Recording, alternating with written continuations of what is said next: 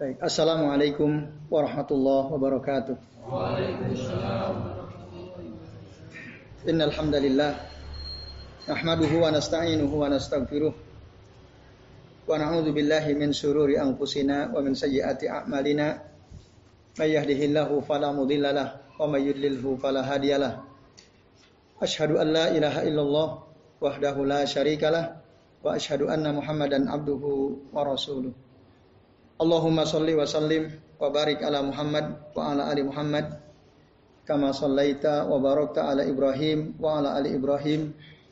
Fil alamin innaka Hamidum Majid. Amma ba'du.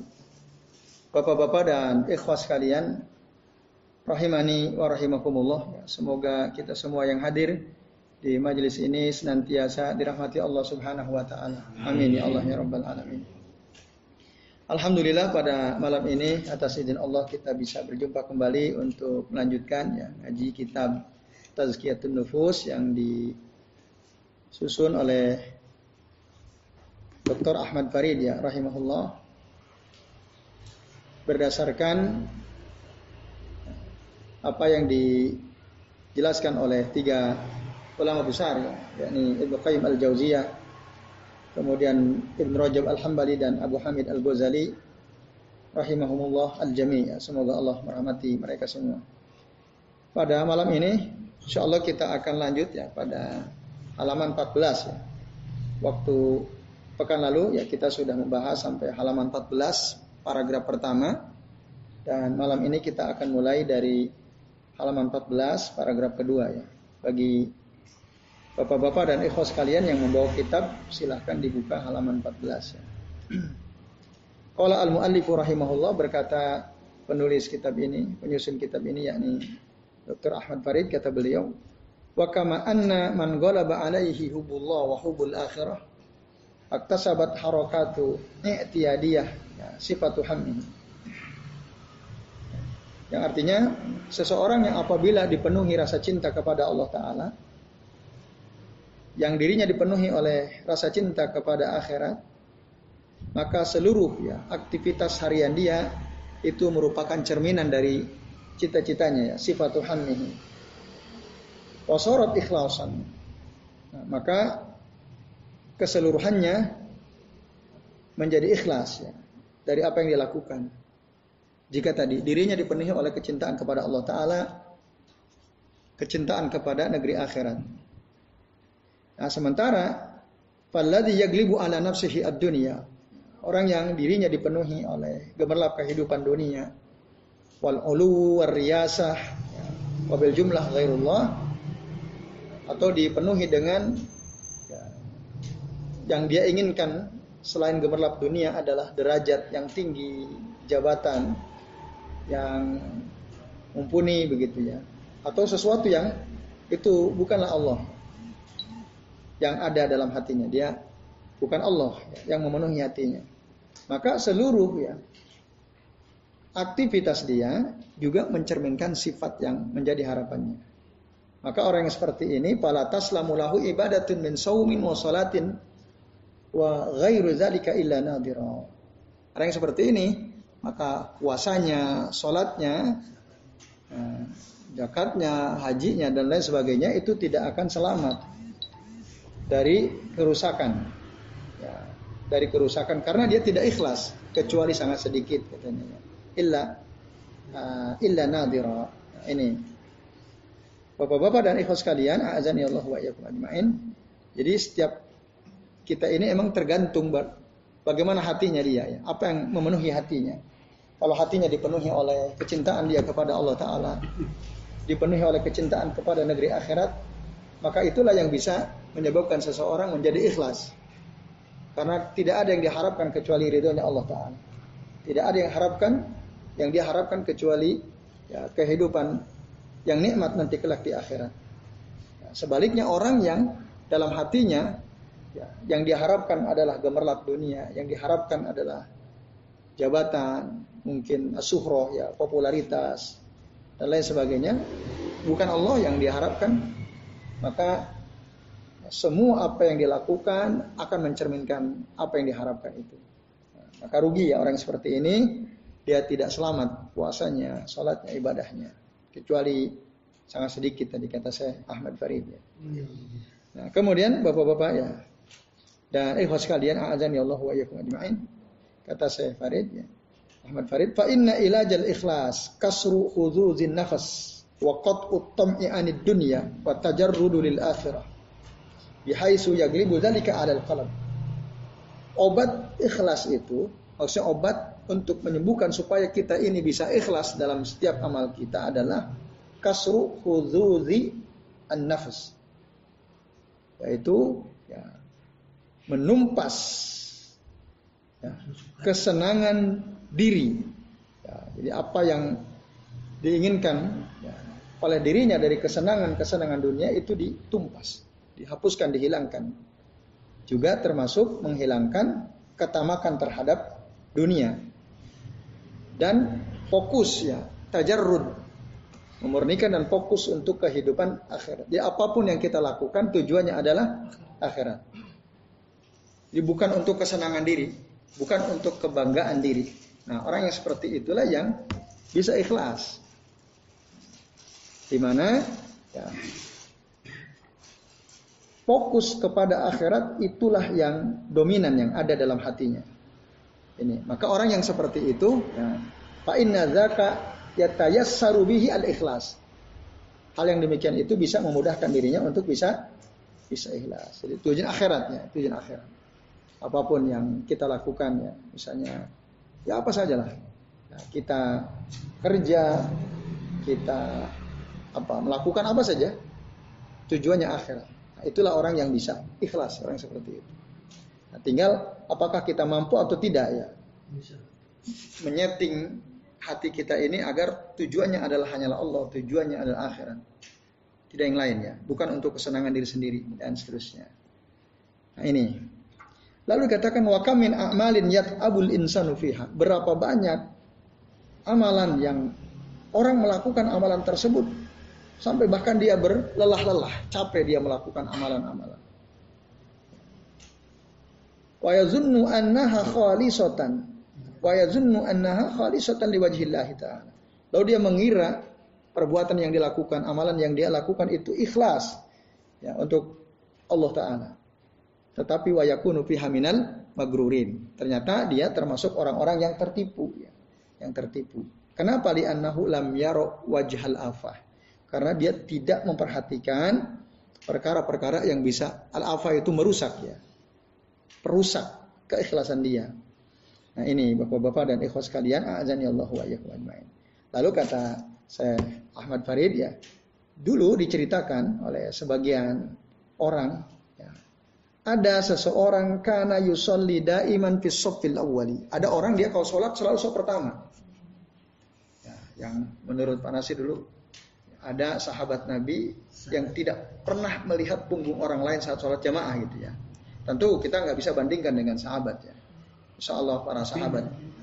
Ya, tabiin ya. Insya Allah ta sahabat atau tabiin mereka orang-orang yang ikhlas lillahi taala ya. Ya, diceritakan ada orang karena yusolli daiman fi awwali. Dia kalau sholat selalu sholat pertama.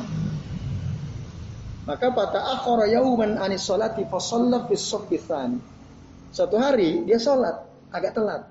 Akhirnya dia nggak bisa di di yang pertama. Dia kebagian di sop yang kedua. Pak tarotu ya khajlatun minan nas ya minan nasi haisu ya haisu ra'auhu fi pisan fi atsani. Ketika dia tidak bisa di sop yang pertama, dia dapat sop yang kedua dalam sholat jamaah itu, lalu dia ditimpa rasa malu, malu dia. Malu dari orang-orang. Nah, karena apa? Orang-orang melihat dia kok sekarang ada di sop yang kedua. Dia biasanya sop pertama gitu. Bapak Ibu, eh bapak-bapak dan ibu sekalian, kira-kira baik nggak tuh? Baik sekali. Baik sekali ya. Dia biasa sop pertama, pas sop kedua dia malu. Dia malu. Nah, nah coba kita perhatikan ya. Dia malu, malu oleh siapa? Oleh manusia. Kenapa? Karena dia tidak lagi bisa di sop yang pertama, dia dapat sop yang kedua. Maka fa'alima ya, anna ya, bahwa dia tahu setelah itu bahwa yang ya menyenangkan hatinya ya masarrathu warohatu qalbihi minas salah fi awwali kanat bisa babin nazari ya bisa babi nazari nas ilaih. Dia baru sadar ternyata ya, ternyata yang membuat hati dia senang ya, di sop pertama itu adalah apa? Dilihat orang gitu ya. Dilihat oleh oh, orang. Dia seneng bangga gitu saya bisa di sop pertama. Eh pas di sop yang kedua aduh saya nggak enak nih sama orang-orang kok saya saya di sop yang kedua. Ya bayangkan ini tipis banget kan? Iya. Coba bayangkan ya. kita kalau nggak ngerti ini bisa tertipu terus kita ya sama aja kita sholat jamaah ke masjid apa yang membuat kita semangat ke masjid kan itu jangan sampai nah kita ke masjid gara-gara masbuk misalnya, gara-gara masbuk, aduh saya nggak enak gak jadi deh. Saya nggak jadi ke masjid, kenapa? Nggak enak sama orang. Ikhlas nggak orang kayak gitu? Nggak ikhlas. Berarti tujuan dia ke masjid apa? Supaya dilihat sama oh, orang. Wah sergap kalau ke masjid selalu awal so pertama. Pas dia nggak berhasil, nggak mau dia, balik lagi dia. Nauzubillah ya. Nah, ini bapak-bapak dan ibu sekalian. Kalau orang niatnya lillahi ta'ala saat jamaah, masbuk dia tetap ke masjid atau balik? Walaupun orang barangkali suzan sama dia, ini orang kok telat gitu ya. Gak peduli, karena bukan pujian orang, bukan pula cacian orang yang menyebabkan dia sholat berjamaah ke masjid. Nah ini ya, bapak-bapak dan ibu sekalian. Maka kata saya Ahmad Farid, qallama taslamul a'malu min amsalihi ya wa qallama Wa man yatanabbahu lahu illa man wafaqahu Allah taala. Jadi sedikit sekali amalan-amalan yang kita lakukan itu selamat. Ya, selamat dari tadi ketidakikhlasan. Sedikit yang selamat dari ketidakikhlasan. Paham maksudnya? Artinya sedikit yang bisa ikhlas. Gitu. Dan sedikit pula orang yang perhatian ya tentang masalah ikhlas ini kecuali orang-orang yang diberikan taufik oleh Allah Subhanahu wa taala. Nah, ini Bapak-bapak dan ikhlas kalian, azani Allah wa Jadi susah. Ikhlas itu memang sulit. Kita harus betul-betul paham apa yang bisa merusak keikhlasan kita. Intinya jangan sampai selain Allah yang membuat kita melakukan atau tidak melakukan sesuatu. Nah, jadi kalau yang menyebabkan kita melakukan sesuatu atau tidak melakukan sesuatu itu makhluk, maka berarti itu tanda kita tidak ikhlas. Nah, wal ghafiluna anhu yarawna hasanatihim yaumal qiyamati sayyiat. Orang-orang yang lalai seperti ini, ya orang-orang yang lalai dari dari perusak-perusak keikhlasan ini, mereka melihat ya, kebaikan-kebaikan mereka pada hari kiamat kelak menjadi keburukan. Kebaikan yang mereka lakukan waktu hidup di dunia, nanti akhirnya di akhirat dia melihat itu sebagai kebu keburukan. Nah itulah kata saya Ahmad Farid yang dimaksud oleh firman Allah Ta'ala di dalam surah Az-Zumar ya, ayat 47 dan juga surah Al-Kahfi ya, ayat 103 sampai 104. Beliau mengutip ayat Al-Quran ya dari surah Az-Zumar ayat 47 ya. Jadi ada orang-orang yang wabadalahum minallahi malam yakunu yahtasibun. Ini bagian akhir dari surah uh, Az-Zumar ayat 47 ya dan 48. Nah, nampaklah bagi mereka azab Allah taala malam yakunu yahtasibun yang mereka tidak bayangkan sebelumnya. Wa badalahum sayyi'atu makasabu. Nampaklah bagi mereka keburukan apa yang sudah mereka usahakan. Ya, disebabkan apa? Enggak ikhlas. Mereka melakukan sesuatu tidak ikhlas. Tapi kalau kita baca secara lengkap pada kita buka mushaf ya Al-Quran, nah ini bercerita sesungguhnya tentang orang-orang yang zalim. Tentu saja orang yang tidak ikhlas termasuk orang yang zalim. Maka Allah mengatakan walau anna lilladzina zalamu ma fil ardi jami'an wa mislahu ma'ahu labtadau bihi min su'il adab yaumal qiyamah. Seandainya ya bagi orang-orang yang zalim itu bagi mereka semua apa yang ada di atas muka bumi nah, dan bahkan dia diberikan yang semisal dengan itu. Ya. Misalnya orang-orang zalim Allah kasih semua apa yang ada di muka bumi untuk dia, bahkan ditambah lagi dua kali lipatnya. Semua apa yang ada di muka bumi itu milik dia. Nah, Tetapi di akhirat dia akan diadab oleh Allah Ta'ala. Lalu dia gunakan semua harta kekayaan dia yang sebanyak bumi eh, beserta isinya itu bahkan dua kali lipat, maka niscaya kekayaan yang dia miliki itu Allah dia akan minta ganti kepada Allah supaya dia tidak di tidak diajak, tidak diajak. Nah itu pada hari kiamat kelak. Artinya apa? Orang-orang zalim itu mereka pasti akan diajak oleh Allah Taala. Nah itu maka orang yang zalim itu Ya, ketika nampak kepada mereka azab Allah Taala, padahal mereka nggak ngira gitu. Maka ya nampaklah bagi mereka keburukan-keburukan apa yang telah mereka lakukan wahaqobihim maka nubihi yastahziun. Mereka akhirnya diliputi ya oleh ya azab Allah taala maka nubihi yastahziun ya disebabkan karena mereka dulu waktu hidup di dunia mengolok-olok memperolok-olok ya syariat Allah Subhanahu wa taala. Nah, poin yang dijadikan dalil oleh Syekh Ahmad Farid ya dalam ayat ini adalah pada kalimat wabadalahum minallahi ma lam yakunu yahtasibun wabadalahum sayyi'atu makasabu. Jadi telah nampak bagi mereka azab dari Allah Ta'ala sementara sebelumnya mereka tidak mengira dan nampak bagi mereka keburukan apa yang mereka sudah kerjakan.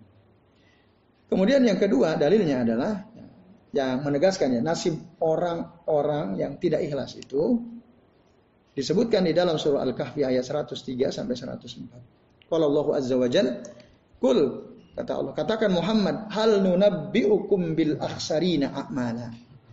Ya, Al-Kahfi. Maukah kalian ku beritahu tentang orang-orang yang paling rugi amalnya? Alladzina dhalla sa'yuhum fil hayatid dunya, yaitu orang-orang yang sia-sia amal perbuatan mereka waktu mereka hidup di dunia wahum yasabuna annahum yuhsinuna sun'a. Mereka mengira bahwa mereka telah beramal dengan sebaik-baiknya ya, yuhsinuna sun'a. Padahal ternyata sia-sia itu. Nah, satu di antara sebabnya adalah karena mereka tidak ikhlas. Itu yang ingin ditegaskan oleh Syekh Ahmad Barini. Karena mereka tidak ikhlas. Walaupun kita baca kalimat berikutnya, ulaikal ladzina kafaru bi ayati rabbihim wa liqa'i. Mereka itulah orang-orang yang ingkar terhadap ayat-ayat Allah Ta'ala dan mereka adalah orang-orang yang mengingkari adanya pertemuan dengan Tuhan mereka. Terus gimana lanjutannya? Nah. Wahabitat a'maluhu fala nuqimu lahum yaumal qiyamati wazna. Maka sia-sia semua amal mereka. Fala nuqimu lahum yaumal qiyamati wazna. Kami tidak akan tegakkan ya perhitungan timbangan bagi amal mereka karena udah nggak ada artinya gitu. Amal mereka sia sia-sia. Nah, keikhlasan kalau tidak ada bisa menjadi sebab sia-sianya amal kita. Nah, itu yang di ya, maksud oleh Syekh Ahmad Farid ya ketika beliau mengutip surah Al-Kahfi ini. Oleh karenanya betapa penting kita berusaha untuk bisa ikhlas dalam setiap amal kita. Maka tadi yang harus kita apa inginkan dalam hati kita hanyalah ridhonya Allah Taala, hanyalah kehidupan akhirat. Nah, ini bapak-bapak dan ibu sekalian ya, azani Allah wa Nah kemudian pembahasan berikutnya disebutkan ba'dul asar anil ikhlas. Ya. Beberapa riwayat dari para ulama salafus saleh ya, dari tabiin tentang ikhlas. Apa itu ikhlas? Di sini disebutkan beberapa tokoh ya disebutkan oleh Yakub. Tapi wallahu alam ini Yak Yakub siapa ya? Uh, Syekh Ahmad Farid tidak menyebutkan Yakub bin siapa ya. Karena tokoh-tokoh ulama salaf itu banyak yang namanya ya Yakub. Ada Yakub Al-Hadrami, ada Yakub bin Zaid dan lain-lain. Allah alam, kami tidak mendapatkan keterangan yang dimaksud Yakub ini maksudnya Yakub siapa. Tapi tentu yang penting di sini adalah kalimat ya, yang disampaikan oleh beliau Nah, di mana Yakub mengatakan al-mukhlisu orang yang ikhlas itu adalah man yaktumu hasanatihi kama yaktumu sayyiatihi. Adalah orang yang menyembunyikan kebaikannya sebagaimana dia menyembunyikan kebu keburukannya. Bapak-bapak dan ibu sekalian, antum kalau punya keburukan, berani nggak antum nampakkan keburukan antum? Berani nggak? Antum punya keburukan. Lalu antum keburukan dari akhlak antum, dari akhlak kita gitu ya. Keburukan dari sifat kita. Lo berani nggak kita umumkan? Ini keburukan saya seperti ini. Saya pernah melakukan ini, ini, ini. Berani atau tidak? Ya, hari ini saya melakukan ini, ini, ini, ini yang buruk-buruk. Tidak kan? Nah, itu bahaya sekali ya. Kalau ada itu berbahaya. Mujahid. Pada umumnya orang tidak mungkin dia akan menyebutkan keburukannya. Tidak mungkin. Ya. Dia akan sembunyikan. Ya. Sebisa mungkin tidak ada orang yang tahu Ya, bahkan mungkin keluarganya sendiri kalau dia melakukan keburukan. Nah, maka kalau kita ingin ikhlas, menjadi orang ikhlas, sembunyikanlah kebaikan-kebaikan kita sebagaimana kita menyembunyikan keburukan keburukan kita. Itu menurut Yakub rahimahullah. Jadi itu orang ikhlas. Jadi dia nggak pernah menampakkan keba kebaikannya menurut Yakub. Allah alam Nah kemudian menurut As-Susi rahimahullah mengatakan al ikhlas faqad ya, faqdu ru'yatil ikhlas. Al ikhlas faqdu ru'yatil ikhlas. Fa inna man syahada fi ikhlasihi al ikhlas faqad ihtaja ikhlasuhu ila ikhlas. Ini kalimatnya luar biasa ini. Jadi al ikhlasu faqdu ru'yatil ikhlas fa inna man syahada fi ikhlasihi al ikhlas faqad ihtaja ikhlasuhu ila al ikhlas. Nah, jadi orang ikhlas, ikhlas itu adalah ketika seseorang tidak merasa dirinya ikhlas. Nah, muter namanya. Orang ikhlas itu adalah orang yang tidak merasa dirinya ikhlas. Fakdu ru'yatil ikhlas. Fakdu ru'yah itu kalau ini kan bahasa terjemah tadi yang makna fakdu ru'yah itu dia tidak melihat gitu. Fakd itu kehilangan ru'yah itu penglihatan. Al ikhlas dia tidak melihat dirinya ikhlas. Itulah ikhlas. Nah, fa'in fa'inna man syahada fi ikhlasihil ikhlas, maka barang siapa orang yang ya menyaksikan, melihat dirinya ini dalam amalnya itu ikhlas, dia merasa ikhlas. Dia merasa ikhlas, faqad ihtaja ikhlasuhu ilal ikhlas. Maka keikhlasan dia ini masih butuh keikhlasan. Artinya dia belum belum ikhlas benar. Kalau dia ngelihat dirinya usah ikhlas, kalau ada orang mengklaim saya betul-betul ikhlas saya bilang. Itu artinya. Ya ikhlas. Menurut Asusi rahimahullah. Jadi, Iya, Allah alami Asusi ya rahimahullah. Ini seorang ulama kibar ya. Jadi nama ah, kalau di saya saya coba telusuri Imam Asusi itu nama kunyahnya Abu Suaib ya, Saleh bin Ziyad bin Abdullah bin Ismail bin Ibrahim bin Al-Jarud bin Masrah Rustabi As-Susi ya. Itu dia seorang ya, ulama besar yang belajar kepada Ibnu Amr ya. Tinggal di Kufah. Ya, Bapak-bapak dan Ibu sekalian ya, termasuk murid dari Sufyan bin Uyainah As-Susi ini. Itu kata beliau. Ya, jadi orang yang ngerasa ikhlas berarti sebenarnya dia belum ikhlas. Dari siapa? Orang yang ikhlas itu yang orang orang yang nggak merasa ikhlas.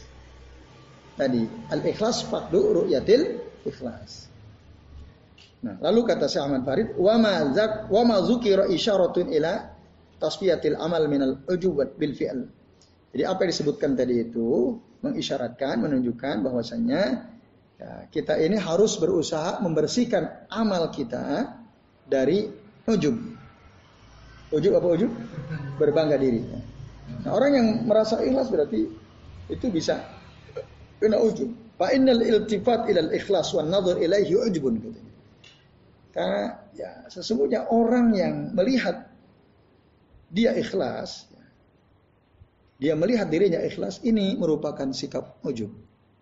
Orang yang melihat dirinya ikhlas, ini merupakan sikap ujub. Wa min jumlatil afat. Dan ini termasuk Ya, perkara yang bisa merusak keikhlasan. Oleh karenanya jangan merasa ikhlas. Berarti gimana? Merasa tidak ikhlas? Berusaha ikhlas tapi jangan merasa ikhlas gitu.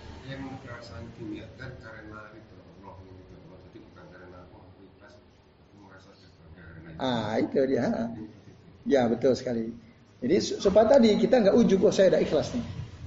Saya sudah eh ikhlas. Bahkan nah tadi merasa ikhlas saja itu enggak ikhlas. Enggak ikhlas. Berat banget kalau gitu ya. Merasa ikhlas berarti keikhlasannya masih butuh keikhlasan. keikhlasan. Faqad ihtaja ikhlasuhu ilal ikhlas. Gimana? Sahabat Nabi saya lupa. Jadi pada waktu malam hari sepi itu dia pura-pura dicopot kala jengking. Hmm. Pura-pura ya. Ah, terus. Untuk. Ah. Nggak malah undang bangun bangun. Terus temannya itu bilang, oh bapak dari malam jam segini belum bangun lagi tahajud ya enggak saya karena di jengking saya bangun. Ah. itu sahabat itu siapa namanya jadi dia tuh menjauh wilayahnya tahajud dia terbangun temannya sering SMS kan seperti ini kok bapak masih bangun ya lagi tahajud ya enggak lah saya anak terbangun cowok lanjut Ya. jadi dalam rangka menyembunyikan bukan ini Ustaz. Ya, ya, saya bisa tangkap. Ya, intinya ah, orang mengira dia sholat lail gitu ya. Padahal dia terbangun karena ka- kalau yang ada dalam kitab tauhid, jadi ada riwayat yang di situ Rasul menjelaskan ya tentang ini apa rukyah ya. Jadi ada seseorang, seorang ulama, dia tersengat kala jengking malam-malam, kesakitan. Terus di malam itu ada meteor jatuh, meteor jatuh. Terus keesokan harinya ada yang bertanya, siapa yang tadi malam melihat ada meteor jatuh? Saya gitu. Malam-malam itu jatuhnya. Nah, tapi nah lalu beliau tapi saya bangun itu bukan karena sholat lail, karena saya disengat kala jengking. Nah, itu yang kalau dalam hadis riwayatnya ini ya yang saya sampaikan. pasti Nah, berarti ngarang tadi antum. Kalau begitu antum ngarang tadi ya. hanya arah Nah. Jadi bangunnya itu Ya, jadi bukan bukan pura-pura disengat kala jengking, memang disengat kala jengking. Gitu. lainnya Memang tidak sholat lail, bukan menyembunyikan.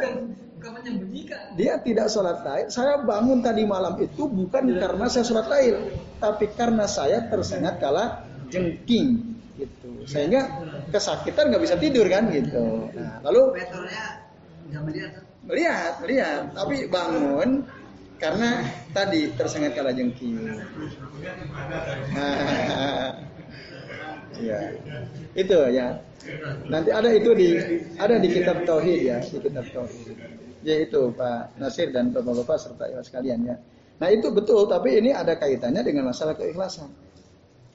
Jadi jangan sampai orang mengira ya di antara faedah penting dari riwayat ini adalah jangan kenapa beliau ini menegaskan bahwa saya bangun itu bukan saya sholat malam, bukan karena saya sholat malam, tapi karena saya tersengat kala jengking. Itu supaya orang tahu, bukan karena aku bangun sholat malam, bukan. Bangunnya itu karena tersengat kala jengking. Coba kalau kita, ada nggak yang tadi malam jam setengah tiga lihat meteor? Oh saya lihat. Nah lalu, wah berarti antum sholat nih, bangun kan gitu. Iya. Kalau kita kan orang wah punya kesan positif ke kita gitu ya. Padahal kita nggak sholat tail. Nah, kebanyakan orang begitu ya. Kebanyakan orang seperti itu. Nah ini maka kalau nggak sahabat tabiinnya, ka- kalian si sahabatnya, sahabat, sahabat dengan tabiinnya. Itu ada di kitab Tauhid di Wahakullah alal Abid yang ditulis oleh saya Muhammad bin Abdul Wahab rahimahullah. Yaitu Pak Nasir. Baik, itu ya. Nah, Bapak-bapak dan sekalian, jadi itu. Nah, oleh karenanya dikatakan di sini wal khalisu ya ma an jami'il afat. jadi Orang ikhlas, amalan ikhlas itu adalah orang yang betul-betul bersih. Ya, amalannya itu dari seluruh perkara yang bisa merusak keikhlasannya, bersih. Dia sama sekali tidak ada niat di dunia, ya. yang Al-Luqman 24 apa? Ya. yang fakotina ila ma'amilu min amalin Heeh. summa Oke, ya betul itu sekali. karena apa itu? Ya karena debu amal saya di akhirat pernah jatuh Iya. malah seperti debu yang berterbangan ya salahnya di mana? karena dia tidak ikhlas di antaranya, maka sia-sia ya amalnya. Jadi bagikan debu yang berterbangan. Dia itu karena itu Allah. Baik. Maka ini hati-hati ya. Eh, Kadang-kadang ya, kadang-kadang. Nun sewu ya misalnya, misal orang yang kerja di travel haji umroh misalnya, travel umroh. Perintah dari pimpinan, tolong nanti di-share semua aktivitas waktu umroh. Supaya orang, nah tujuannya supaya apa? Promosi. Aha, itu itu itu itu ibadah sambil promosi kan? Nah itu itu kalau nggak hati-hati bisa rusak juga itu sebenarnya. Ah, ah, bisa. Nah ini itu yang kadang-kadang susah susah juga. Gimana? Umroh bersama Ramadan digambar itu. Ya, ya bisa bisa bisa ya itu bisa juga merusak ke keikhlasan. Ya termasuk waktu di sana ya. Walaupun memang selama kita di sana kan sebenarnya waktu umrah itu pas hanya satu malam itu saja ya. Selebihnya kan uh, apa? Ya, ibadah harian saja ya. Tapi karena di tempat yang utama ya maka kita dapat keutamaan tentu saja. Tapi itu kadang-kadang bisa sangat mungkin itu akan merusak keikhlasan. Nah, karena tujuannya tadi du, dunia ya. Maka hilangkan itu semua kita bisa ikhlas ya. Kemudian qala Ayyub tahlisu an-niyati alal ummal asyadu alaihi min jami'i al-a'mal. Nah ini bagus sekali ya perkataannya. Takhlisun niyati alal ummal asyadu alaihim min jami'il a'mal. Ya. Mengikhlaskan niat bagi para aktivis itu, ya, asadu alaihim itu lebih sulit buat mereka min jami'il a'mal daripada perbuatannya mereka itu sendiri. Aktivis itu kan padat sekali ya. Dari mulai bangun tidur sampai tidur selalu ada kegiatan ya entah koordinasi ya dengan teman-teman mungkin juga memberikan arahan seterusnya banyaklah kegiatan dia. Orang kalau bukan aktivis berat melakukannya. Tapi ya, ternyata mengerjakan semua pekerjaan yang banyak dan padat itu ya itu tidak lebih sulit daripada mengikhlaskan nih niat lebih sulit mengikhlaskan niat daripada melakukan banyak hal dalam satu hari. Itu. Kita dalam satu hari bisa beraktivitas macam-macam, mungkin sibuk sekali gitu ya. Tetapi, nah itu ternyata tidak lebih berat daripada kita mengikhlaskan nih. Itu kata Ayub rahimahullah. Nah, ini jadi maka kemudian qala ba'duhum berkata sebagian ulama, ikhlasu sa'atin najatul abad. Orang yang bisa ikhlas sebentar saja dalam amalan dia, maka itu ya akan mendatangkan keselamatan yang abadi. Orang yang betul-betul bisa ikhlas ya lillahi taala dalam perbuatannya. Walakinnal ikhlas ajiz. Walakinnal ikhlas ajiz. Hai, akan tetapi ikhlas itu sa'bun jiddan. Aziz maknanya di sini sa'bun jiddan. Susah sekali.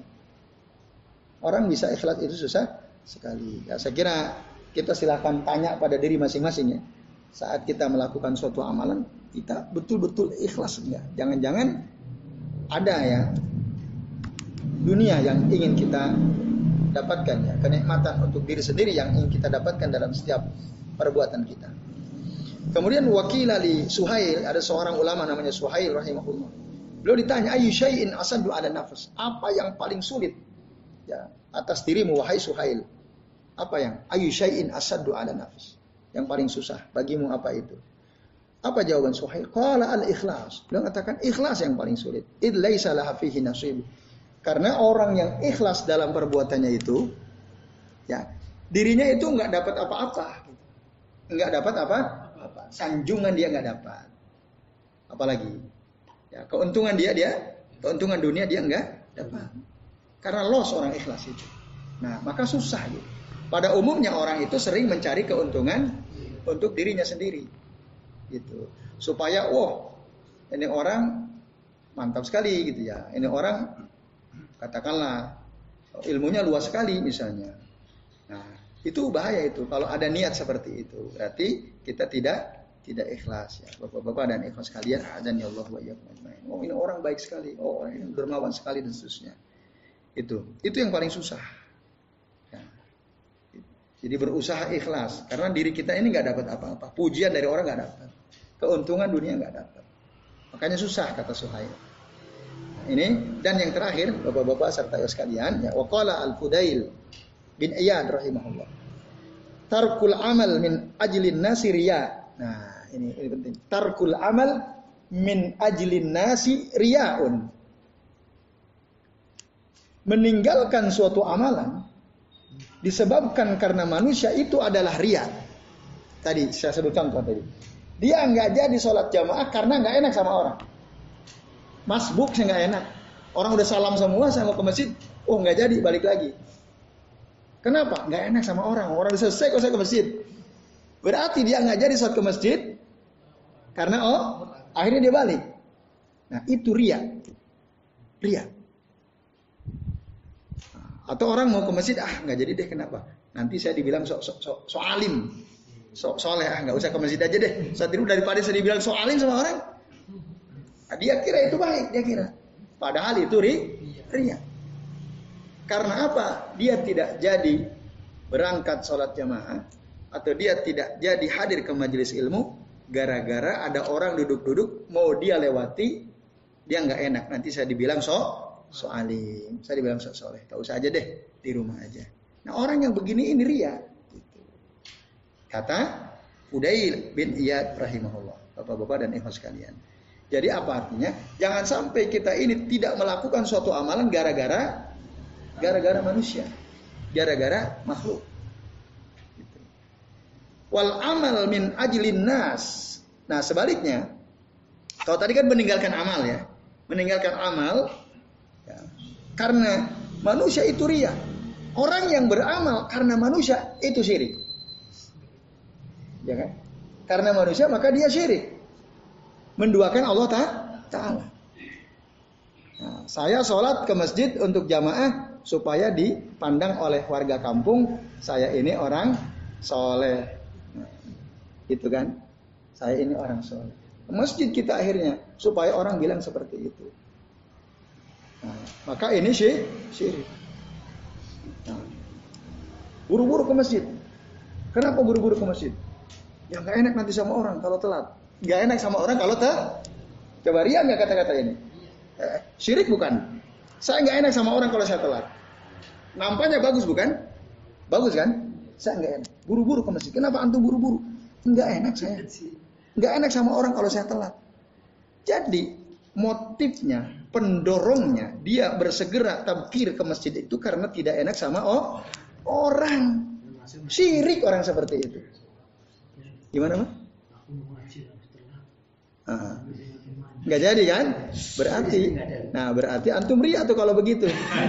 kalau begitu, kalau antum bersikap begitu berarti kalau kan saya bilang kalau ini kan kalimat bersyarat kalau antum seperti itu maka antum ri. itu ngaji mas. Iya.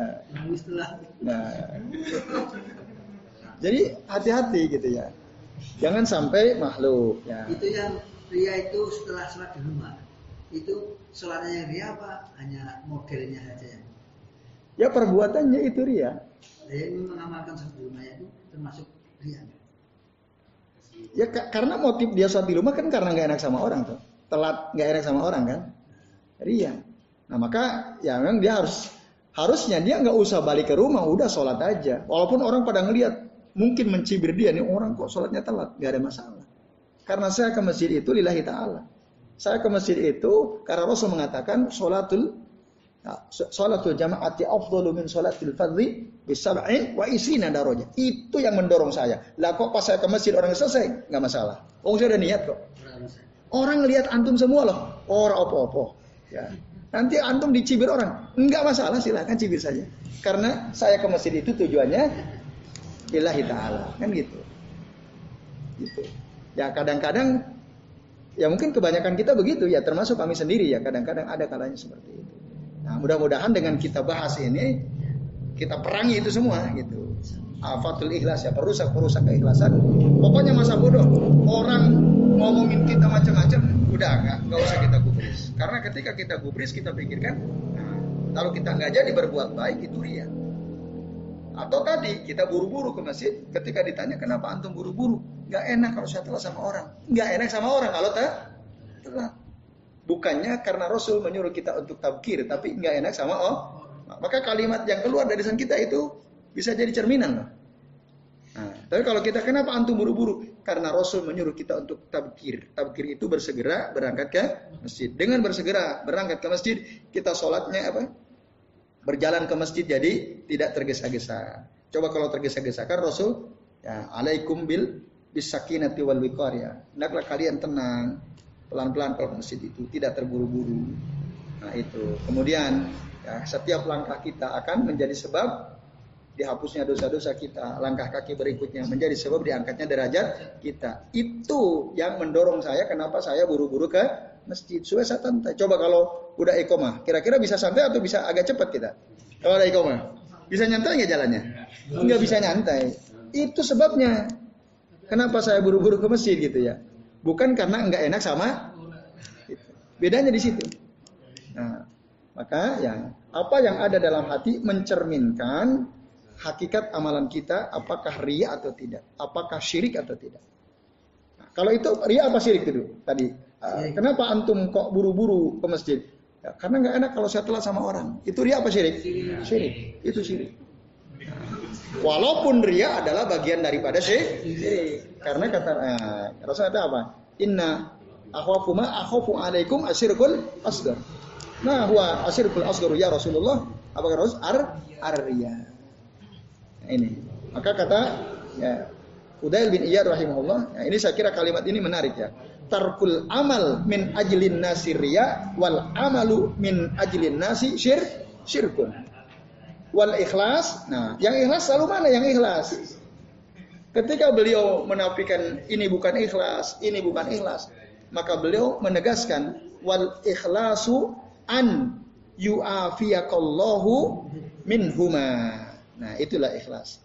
Jadi ikhlas itu adalah ya, ketika Allah menyelamatkan dirimu dari keduanya. Apa yang dimaksud kedua sini? Meninggalkan amal karena orang atau melakukan amalan karena orang. Itu. Jadi jangan sampai ya kita melakukan sesuatu itu karena orang, ya karena mah, makhluk. Selama perasaan itu masih ada, itu tanda bahwa kita belum ikhlas. Orang kalau udah ikhlas tidak bergeming ya. Dipuji orang ya biasa saja, dicerca, dicaci maki, dicibir orang biasa sah saja. Kalau mencintai. Mencintai gimana? Mencintai karena Allah, membenci karena Allah. Nah. Itu ikhlas. Dapat Mencintai karena Allah, membenci karena karena Allah. Apakah itu termasuk ikhlas? Ikhlas atau bukan? Ya, ikhlas. Kan karena Allah. Kan antum, ya betul.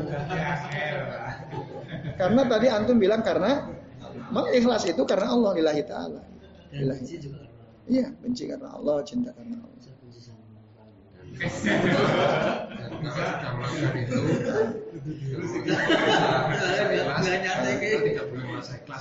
Gimana? Berarti kalau sudah merasa sudah melakukan keikhlasan tadi, uh, kita tidak boleh merasa ikhlas tuh Ya, kalau menurut menurut seasu sih tadi. Ya, jadi kita nggak jangan merasa udah pokoknya Bismillah lillahi taala udah. Ya, yang penting ini terus ya kita ingat-ingat ya.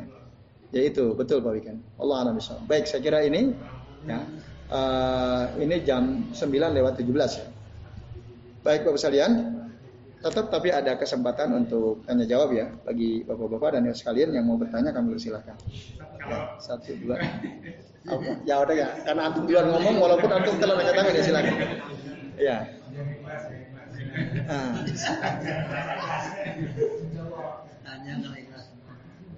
Ya karena ada juga orang bertanya nggak ikhlas gitu. Ingin dilihat ingin dilihat cerdas oleh orang lain itu. Itu bahaya kayak gitu. Ya. Silakan.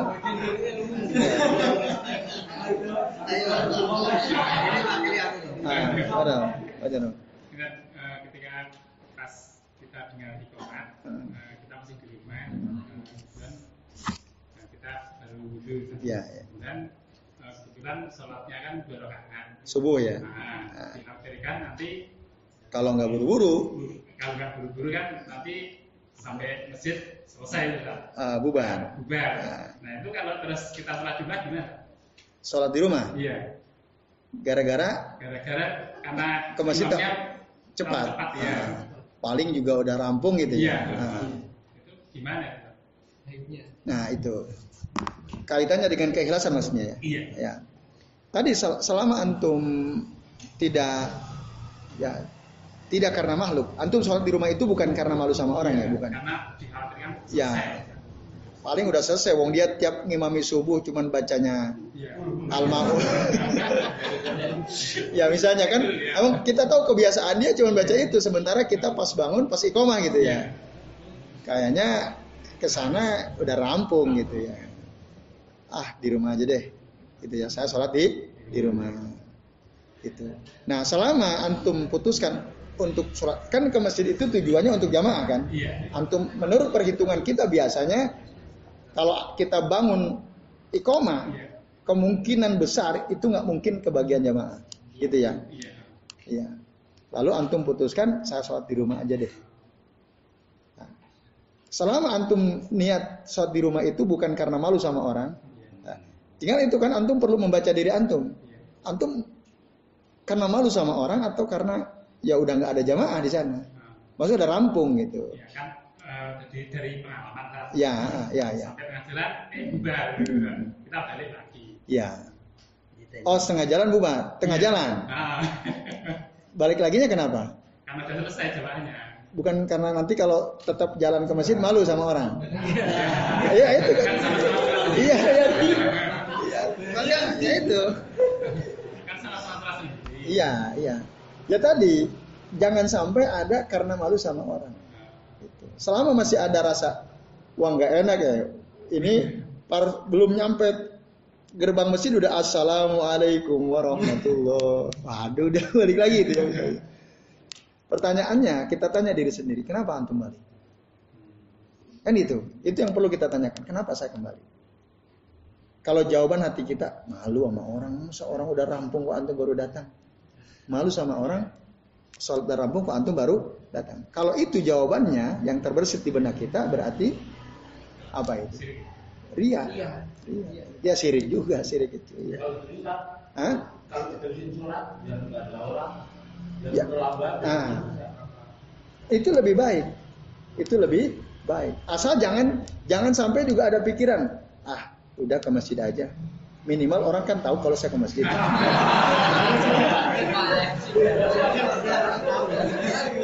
itu nggak ikhlas juga. Supaya dilihat orang kan ini sirik. Pikirnya di masjid sendiri, di masjid sendiri. Ya, ya tadi selama nggak ada pikiran karena nggak ada masalah. Hmm. Selamat. Selamat. Apalagi misalnya ada, pertimbangan eh, kalau saya sholat di masjid, eh, kalau di rumah bisa sholat sunnah fajar. Ya. Boleh nggak sholat sunnah fajar? Sholat sunnah fajar dulu, baru kemudian, ya kan? Ya itu. Itu kalau pertimbangannya itu maka selamat dari afatul ikhlas tadi ya.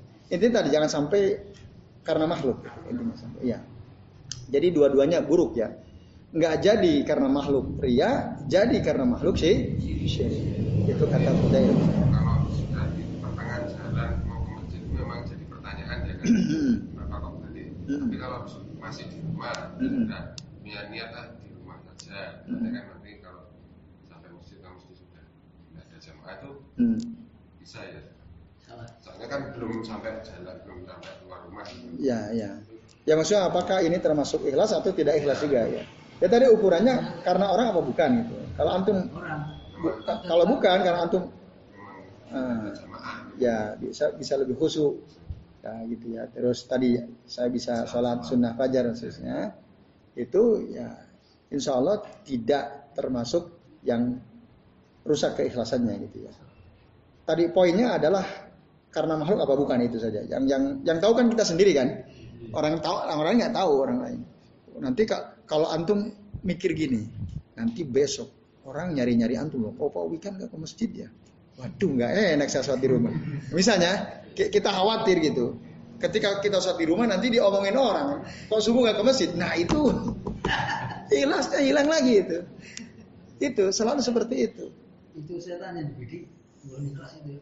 Nah itu karena orang yang bisa ikhlas seperti yang kemarin kita udah bahas kan. Setan nggak bisa ganggu. Gitu. Tapi syaitan akan terus mengganggu kita supaya kita kita ini tidak ikh, tidak ikhlas. Iya. Berarti termasuk kalau saya sering masbuk ya, soalnya sering nanti kalau saya apa eh, ke masjid awal, Mm-mm. mesti nanti disuruh imam, misalnya. Mm. Makanya saya mending masbuk gitu. nah, itu contoh. gitu. Iya, iya, iya, iya. iya, iya. Itu termasuk Ya. itu ya.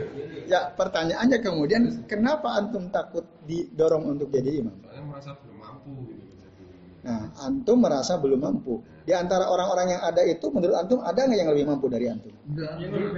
Hah? Ada. Ya kalau ada harusnya antum dorong dia. Kalau kita merasa di masjid itu ada yang lebih mampu dari kita, kita didorong, kita dorong orang itu. Iya, itu. Jadi cara menghilangkan nggak enak saya disuruh jadi imam. Yang penting antum yakin di situ ada orang yang lebih mampu dari kita. Ya, tekankan sama beliau, Pak Antum itu lebih baik dari saya. Antum yang imam. Gitu. Nah, mungkin gara-gara antum kan pakainya baju gamis terus rapi gitu ya. Nah, misalnya kan kadang- kadang-kadang kan orang begitu, dia melihat kita kita iya kan? Ya, ya maksudnya kadang-kadang kadang-kadang kan orang begitu kan. Ini, Nah. Kalau- semua. Ya di sana itu soalnya kan mungkin ya rata-rata ilmunya ya cuma Sama. ya, Ah, rata-rata tugas itu loh. Ah. Ya, mungkin oh kok saya imam kok saya pas ada yang satu lagi didorong untuk maju jadi imam. Ya. Nah, tapi tetap kok ya tetap tidak bisa gitu makanya Ya, gini kalau intinya poinnya saya, saya paham. Sebenarnya kadang-kadang juga perasaan itu Iya. ini saya ya menimpa saya kadang-kadang. Eh, apa? Ada, wah nanti saya disuruh imam gitu ya. Walaupun di, kalau di masjid kami kan udah ada imam tetap ya. Jadi, pokoknya kalau ada beliau udah imamnya beliau. Yang yang nggak ketika nggak ada beliau gitu. Nah, kadang-kadang itu ya eh, jamaah itu mendorong yang menurut mereka ada orang yang lebih paham gitu ya, lebih ngerti. Nah, di sisi yang lain barangkali kita ngerasa ada orang yang lebih baik. Sebenarnya kalau ada orang yang lebih baik ya kita dorong saja orang itu. Kita dorong saja orang itu. Nah, kecuali kalau dia nggak ada, nggak ada yang lebih baik daripada kita misalnya, berarti memang harus harusnya kita ya. Kalau nggak ada yang lebih baik loh. Di antara jamaah yang hadir tidak ada yang lebih baik dari kita. Boleh nggak kita apa menganalisa di antara yang hadir itu nggak ada yang lebih baik dari kita? Boleh nggak kayak gitu? Boleh kan kan bisa kelihatan dari sehari-hari mereka baca Al-Quran misalnya, dari aktivitas sehari-hari khususnya. Nah kan itu itu bukan termasuk kesombongan ya. Itu man arofa qadra nafsihi. Itu termasuk dia mengerti kadar kapasitas dirinya. Nah, kalau toh memang nggak ada ya antum disuruh ya memang begitulah seharusnya. Ya antum. Nah kalau antum merasa ada yang kurang-kurang apa kekurangan antum? Oh bacaan saya kurang mantap, tinggal permantap kan begitu. Iya kan? Antum ikuti tahsin kalau antum merasa belum mantap. Oh hafalan saya belum banyak, tinggal tambah ha, hafalan pelan-pelan gitu. Itu. Hah? Sambil baca boleh sih. Oh kalau sholat wajib nggak boleh, sholat wajib nggak boleh. Sholat sunnah boleh, sholat sunnah. Sholat taraweh boleh. Tapi kalau sholat wajib nggak boleh. Jadi yang boleh baca itu sholat sunnah. Jadi di masjid saya sering baca ya. Oh sholat wajib? Wah nggak paham berarti. Wah ini iya. sholat wajib nggak boleh. Jadi sholat yang kita boleh membaca di mushaf itu sholat sunnah. Dalilnya. Itu sudah S2 Ustaz. Ah, S2 tapi apa jurusannya? Matematika. Matematika. Hah? Ya MA jurusannya apa dulu kan? Ilmu syariat apa ilmu umum kan? Banyak kan bahkan bukan hanya S2 dokter tapi dia nggak ngerti syariat banyak atau tidak? Ya, banyak. Nah itu. Jadi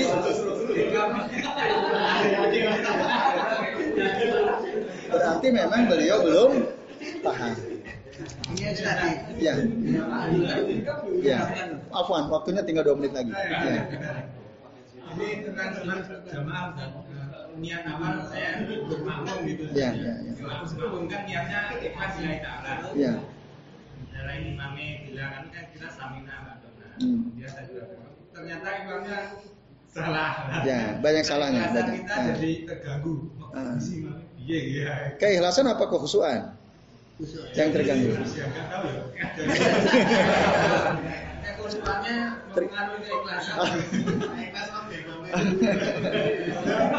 Bukan masalah kan bacaannya kayaknya nggak Ah, iya, iya. Gimana kita terus atau gimana? Dan apakah resiko resiko imamnya itu misalnya bikin kurang nggak khusus itu resikonya apa? Ada kan misalnya nekat maju ternyata nggak Ya. baik itu ada resikonya. Baik. Ya. Resiko buat imam Buat imam, dan sikap kita ya. selaku makmum gitu ya. Dan makmumnya jadi ikhlas tadi. Ya, satu kalau kita tahu bahwa imamnya tidak baik ya, banyak melakukan lahan, lahan itu kekeliruan dalam bacaan, maka sementara kita tahu kadar diri kita, kapasitas diri kita bahwa menurut kita kita ini secara bacaan udah bagus nah ya, dan bukan hanya kata kita tapi kata teman-teman yang lain, wah antum udah bagus bacaannya misalnya. Nah, lalu kita bermakmum kepada imam yang imam ini selalu banyak salahnya. Kita tahu dia ini banyak sekali kesalahannya dalam baca. Maka tidak pantas sebenarnya orang yang baik bacaannya bermakmum kepada orang yang tidak baik, Pak. Tidak baik dalam arti banyak melakukan lahan, lahan, lahan. Jelas. Entah itu jali atau khofi ya. Apalagi kalau jali, jadi jelas. Yang pendek dibaca pan, panjang. Itu mim dibaca nun misalnya dan seterusnya. Maka itu tidak pantas sebenarnya. Dia bermakmum kepada orang tersebut. Istilahnya tahu diri ya. Ya. Nah, itu ya Bapak-bapak dan ikhwas kalian, Pak Walu kita ya. Harusnya kita kalau udah tahu tidak bermakmum kepada orang itu. Kalau Nah, tapi ini nggak tahu, taunya pas di tengah-tengah gitu ya. Pas di tengah-tengah. Itu bagaimana? Nah, tergantung kesalahan di mana. Kalau kesalahannya di surah Al-Fatihah, karena ini rukun min arkani sholat, ada sebagian ulama, ya nggak sah kita bermakmum kepada orang yang melakukan banyak lahan dalam membaca surah Al-Fatihah karena dia rukun dari sholat. Ya. Tapi kalau di luar Al-Fatihah, karena itu bagian daripada sunnah, maka masih ada toleransi kita boleh bermakmum kepadanya. Walaupun banyak kesalahan waktu membaca surah. Waktu membaca surah. Ya tapi kalau Saya itu tahu baik baik apa yang belumnya tapi nggak bisa anunya. ah, ya. Ini kurang baik nanti karena jalan ini nggak bisa ini. Oke. nggak jadi. Jadi ja- jawaban jawabannya itu sikap kita sebagai makmum. Jelas ya? Iya. Sikap kita sebagai makmum kalau udah ngerti nih imam sering melakukan lahan, selalu melakukan lahan bahkan dalam bacaan surah Al-Fatihah, kita tidak pantas bermakmum kepada orang tersebut. Terus gimana? Ya cari masjid lain yang imamnya tidak lahan. Itu. Kalau dia ini lahan terus, maka kita cari sambil tentu saja kita menasehati si imam tersebut. Boleh nggak kita nasihati imam? Boleh karena ad-dinu an-nasiha. Ad-dinu an-nasiha. An-nasiha li a'immatihim, li a'immatil muslimin wa ammatihim. Tinggal kita ya caranya gimana nasihatinya datangi gitu. Pak Nun Sewu loh. Kulo mendengar jenengan itu kalau baca soal Fatihah kayaknya kurang pas di sini. Coba ah, coba antum baca. Gak apa-apa kayak gitu. Saya, saya pernah ya mengingatkan imam. Dia selalu begitu gitu. Dan itu keliru ya. Waktu itu sampai habis semua orang saya tanya, Pak coba antum baca ayat ini. Dia baca. Coba baca sekali lagi sama kan gitu. Itu keliru. Coba sekarang buka Qurannya. Nah dibuka, oh ternyata betul dia keliru. Tapi sama ini selalu begitu. Setelah kita nasihati secara pribadi ya hanya empat mata gitu, beliau tahu. Nah nasihat seperti itu akan sangat diingat dan tidak mungkin dia salah lagi. Gitu. Tidak mungkin salah. Maka kalau kita nasihati ada imam selalu keliru gitu ya dalam membaca surah Fatihah. Di mana kelirunya? Kita harus garis bawah itu. Terus kita Pak Nun Sewu. Eh, saya merasa kok ada yang kurang pas gitu jenengan membaca surah. Coba jenengan baca ayat sekian dari surah. Baca. Minta sekali lagi baca, baca. Betul ternyata keliru kan dia ulang sama begitu bacanya. Nah kita perbaiki. Gitu. Nah tinggal pertanyaannya antum berani nggak nasihati imam yang bacaannya masih keliru gitu, terutama baca Al-Fatihah. Berani atau tidak? Nah, kalau nggak berani, apa alasan nggak berani? Itu penting. Apa alasannya kita kok nggak berani? Wah itu antum bisa. Kalau nggak ria sirik tuh antum nggak enak. Nah saya juga ngajak ini tapi cuma betul sekali sholatnya salah gitu. Terus salah lagi. Rokat kedua Enggak, enggak, maksudnya setelah sholat ingatkannya kan. Nanti supaya pada sholat berikutnya beliau paham kan. Nah saya setelah nasihati tadi yang pengalaman saya sendiri, beliau nggak pernah salah lagi. Karena udah betul-betul ingat. Gitu. Dan pun begitu dengan kami ya ketika di, di, diingatkan oleh teman atau oleh siapa, oh iya salah, perbaiki. Nah itu dan ya bisa langsung nasihati, bisa sekarang apalagi ada handphone kan kita bisa japri, pak sepertinya ini ini. Cuman emang kalau soal bacaan yang kan ada orang kadang modalnya hafalannya, dia nggak mau buka-buka lagi kan, dari kecil hafal begitu kan. Kadang kalau di japri kan agak susah ininya yang paling enak memang datangi gitu. Kita datangi coba jenengan baca. Nah, itu itu itu itu untuk makmum, sikap makmum. Imam bagaimana jika ada makmum nggak suka kepada dia gara-gara kesalahan dalam bacaan? Oh, itu bahaya. Itu bahaya. Bahaya sekali. Karena ada tiga golongan kata Rasulullah. Yang sholatnya itu tidak naik ke atas. Tidak diterima oleh Allah Ta'ala. Latuk baru sholatuh. Ada tiga. Nah. Siapakah mereka yang sholatnya tidak diterima?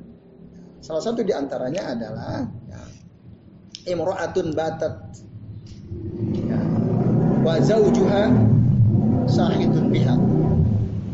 Seorang wanita, seorang istri yang tidur di malam hari sementara suaminya marah.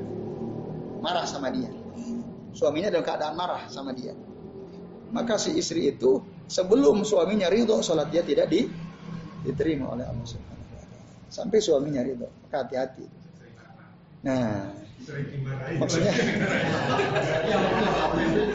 Suami suami kalau sayang istri kalau dia mungkin nggak ridho segala ridho kan gitu. Supaya istrinya itu jangan sampai sholat dia nggak diterima. Bisa saja kan malam-malam suami minta jatah istrinya bilang capek akhirnya kesel suaminya kan. Nah selama suaminya kesel, isinya ini sholatnya tidak diterima oleh Allah Taala. Maka sebelum subuh ridhokanlah. Ridho ya. Kalau kita nggak ridho, nah maafkan. Udah ya, ya, saya maafkan. Yang pertama. Terus yang kedua, abdun abikun. Ya, abdun abikun min sayyidihi hatta raja'a. Ya. Seorang budak yang lari dari tuannya sampai dia kembali. Kembali kepada tuannya. Selama dia lari dari tuannya maka sholat dia tidak diterima. Dan yang ketiga adalah imamu kaumin wahum lahu karihu. Imamu kaumin wahum lahu karihu. Imam satu kaum tapi kaumnya itu benci sama dia. Itu nggak akan naik ke atas. Semua.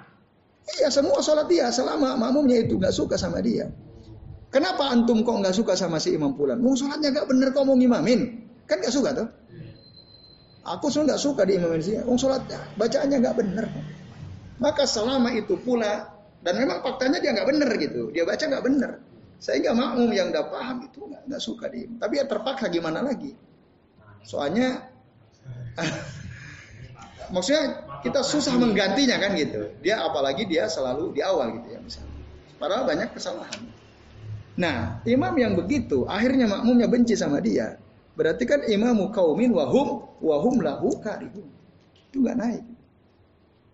Tetapi, nah kebencian si makmum itu harus syar'i. Harus syar'i itu maksudnya kebenciannya karena ya batasan-batasan syariat.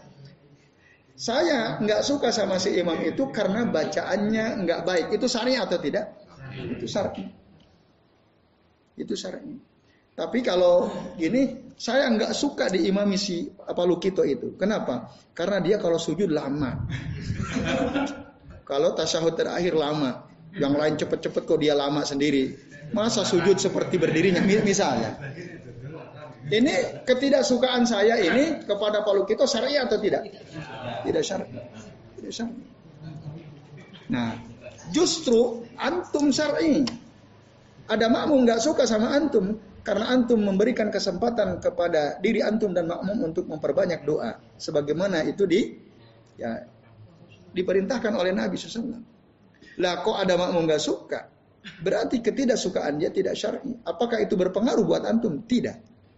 Bahkan yang dosa makmumnya. Karena dia tidak suka terhadap sunnah Nabi SAW. Itu Nabi itu kan mengatakan keadaan terdekat baik antara bainal abdi wa rabbihi wa huwa sajidun. Fa aksiru doa keadaan terdekat antara seorang hamba dengan Allah Tuhannya waktu dia sujud. Perbanyaklah doa dalam sujud. Dalam hadis yang lain amma sujud dan adapun sujud itu ya fajtahidu fihi doa bersungguh-sungguhlah di dalam sujud itu berdoa fa innahu qaminun an yustajabalahu. Karena doa yang kita baca waktu sujud itu sangat pantas untuk diijabah oleh Allah Subhanahu wa taala. Akhirnya antum udah ngerti nih imam hadis-hadis ini. Bahkan kata Nabi kan siapa yang ahakuhum bil imam, yang paling berhak jadi imam. Pertama apa? Akra'uhum di kitabillah ta'ala. Yang kedua apa? A'lamuhum bis sunnah. Orang yang paling mengerti tentang sun sunnah. Kita udah ngerti sunnah. Antum kalau kita ngimami udah ngerti sunnah sujud gitu ya. Seharusnya diperbanyak doa, sungguh-sungguh berdoa. Yang penting jangan sampai lamanya melebihi lamanya berdiri. Kalau antum berdiri baca Al-Fatihah sama surah itu dua menit, sujudnya jangan lima menit. Nah, karena Rasul itu hampir sama lamanya, hampir sama, tidak melebihi lamanya berdiri. Lah kok ada orang nggak suka? Orang nggak suka. Nah, maka itu nggak akan ada pengaruhnya. Karena ketidaksukaan dia tidak syar, syar'i. Yaitu kalau gitu. Maka memang imam itu bahaya gitu jadi imam itu. Jadi imam itu. Tidak diterima sholatnya imamnya atau Imamnya, enggak imamnya, imam. Imam. Kan ngeri itu imamnya. Nggak mau jadi imam. Jadi malah jalan ya.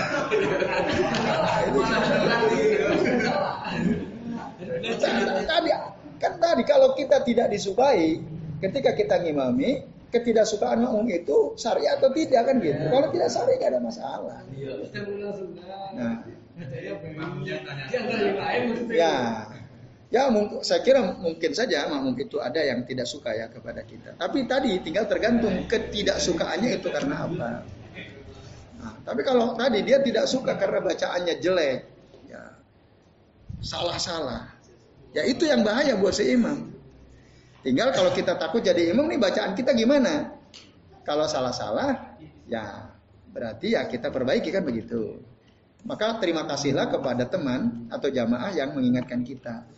Pak, apa loh? Tadi antum waktu ngimami salah begini-begini. Nah, itu harus terima kasih.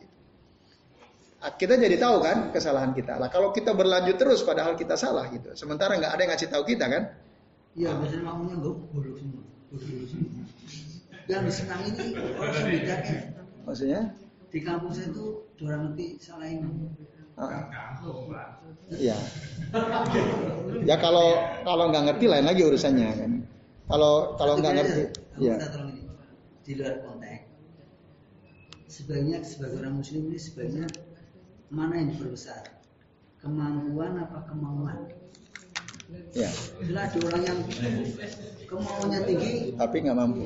nggak ada kemampuan mau diperlukan ada juga yang saja ini ada kemampuan Tapi nggak mampu. Tawadu, tawadu. Punya kemampuan tapi nggak mau. Tawadu. ini nih Iya, iya. Oke, jadi intinya Pak Nasir dan Bapak-bapak saya sekalian ya. Masjid itu kan untuk kemaslahatan bersama kaum muslimin ya. Harusnya memang dimusyawarahkan gitu. Dimusyawarahkan, ditunjuk siapa yang layak jadi imam. Itu harus begitu. Ya alhamdulillah di di kampung kami ya. Itu dulu siapa aja jadi imam bisa. Dulu siapa aja. Siapa yang berani, siapa yang mau ya siapa yang duluan bisa jadi imam. Ya setelah kita ngaji, ya ada kajian rutin ya kita bahas ya tentang uh, al wasolatul jamaah wal imamah ya salat jamaah dan tentang imam kita bahas ada dialog seperti ini. Akhirnya paham, oh ternyata selama ini ya nggak benar gitu. Nah setelah itu alhamdulillah disepakati imam tetapnya siapa? Udah, yang paling baik di antara jamaah itu Nah, maka dialah yang diangkat dan selalu standby gitu ya. Standby maka itulah yang kemudian diangkat jadi imam tetap. Nah, selama ada beliau, ya udah yang lain nggak ngimamin gitu. Coba kalau nggak ada kesepakatan seperti di masjidnya Pak Wikan, kan gitu akan saling dorong-dorongan kan. Akhirnya ya ada yang sikapnya wis mas bukwai lah daripada di situ gitu. daripada jadi imam. Itu iya. Ka- karena apa? Karena tidak ada manajemen ya musyawarah kesepakatan. Siapa sih di antara jamaah rutin di masjid itu yang paling bagus bacaannya? Kan ya, yang lebih yang lebih sepuh itu malah lebih ngeyel. Itu Ya itu, itu tadi karena nggak ada musyawarah itu kan, nggak ada ilmu. Dan memang harus dirubah dengan ilmu gitu loh. Kalau nggak pakai ilmu nggak berubah, nggak berubah. Kami pernah diminta untuk misi pengajian ya di satu masjid yang imamnya itu salah-salah terus. Makmum tuh gelisah. Dan semua ibu-ibu, bapak-bapak gitu. Akhirnya saya pakai ilmu pak merubahnya. Akhirnya pada saat pengajian selapanan kami diundang untuk menerangkan soal siapa orang yang paling berhak jadi imam dan apa akibat orang kalau ngimami nggak disukai oleh makmum. Nah kita ya saya sampaikan yang tadi saya sampaikan itu. Akhir, dan orang yang selalu jadi imam hadir, hadir. Bisa berubah tuh. Akhirnya sah, beliau mendengarkan ada tanya jawab dari para jamaah. Besoknya beliau nggak mau lagi jadi imam. Kayak gitu bagus kan? Dia paham gitu. Ada. Jadi berubah dengan ilmu. Ya, berubah dengan il ilmu. Lah kalau ilmunya nggak pernah dihadirkan di masjid antum misalnya, nggak pernah dibahas, atau mungkin diundang ada pengajian, tapi yang jadi imam nggak pernah mau datang, itu masalah. Gimana berubahnya? Wong dia nggak mau datang kan? Padahal tujuannya supaya dia dinasihati secara umum gitu kan, tidak bermaksud nasihati dia secara khusus. Nah itu caranya. Nah maka kalau ada masjid yang masih seperti itu, caranya begitu. Atau kalau ada kajian, ditanyakan saja soal itu. Nanti kan dibahas tuh. Tidak ngaji ya mas ya? Pernah ngaji? Ya itu kan. Ya ada kasus di mana ikut, ada yang tidak ikut kan. Yang suka ikut kajian malah enak itu. Bisa dibahas apa ditanyakan maksudnya nanti ada pembahasannya. Yaitu Allah alam Baik Bapak-bapak dan Ibu sekalian, saya kira ada yang gelisah ini ya. Jam 10 dikunci ya. Jadi nampaknya kita harus cukupkan sampai di sini. Iya. Oke, ada 15 menit insya Allah cukup ya. Terima kasih atas perhatiannya. Karena kalau enggak besok enggak akan balik lagi gitu ya. Saya kira kita cukupkan sampai di sini. Semoga bermanfaat dan kami mohon maaf ya. Apabila yang kami sampaikan ada kesalahan, Uh, saya akhiri wasallallahu ala Muhammadin wa ala alihi wa baraka.